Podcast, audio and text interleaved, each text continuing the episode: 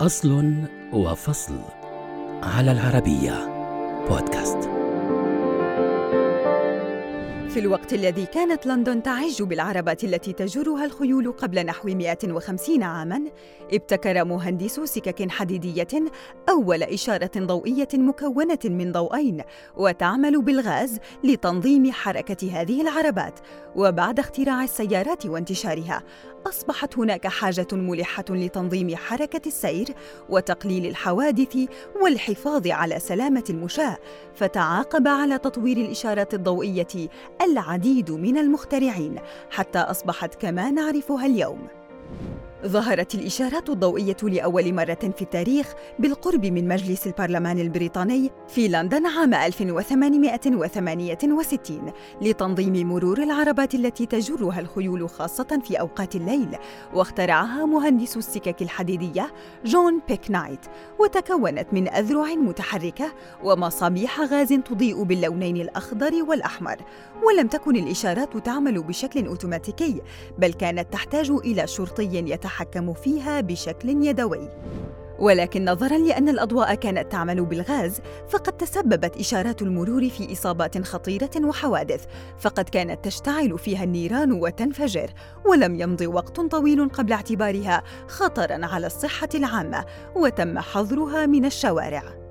ومع اختراع السيارات مطلع القرن العشرين وانتشارها فيما بعد أصبح لا بد من وجود طريقة لتنظيم حركة السير. فخطرت في ذهن شرطي أمريكي يدعى ليستر واير في عام 1912 فكرة تصميم إشارة ضوئية تعمل بالكهرباء واستطاع واير بعدها بعامين تنفيذ الفكرة ووضعها لأول مرة في كليفلاند بأوهايو. وعلى الرغم من أن الإشارة استخدمت أضواء كهربائية إلا أنها كانت تعمل بطريقة يدوية من قبل شرطي وكانت تستخدم اللونين الأحمر والأخضر فقط.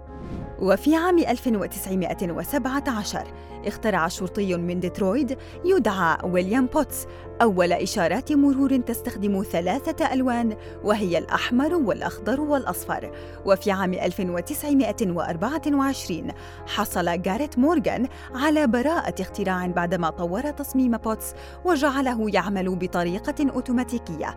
وكان اختراعه أساس إشارات المرور الحديثة. وباع مورغان حقوق اختراعه لشركة جنرال إلكتريك مقابل أربعين ألف دولار وقعت أول اتفاقية لتوحيد الإشارات الضوئية في جنيف عام 1931 لزيادة سلامة المرور على الطرق وتسهيل الحركة، وأصبحت إشارات المرور بالأحمر والأصفر والأخضر المعيار في جميع أنحاء العالم.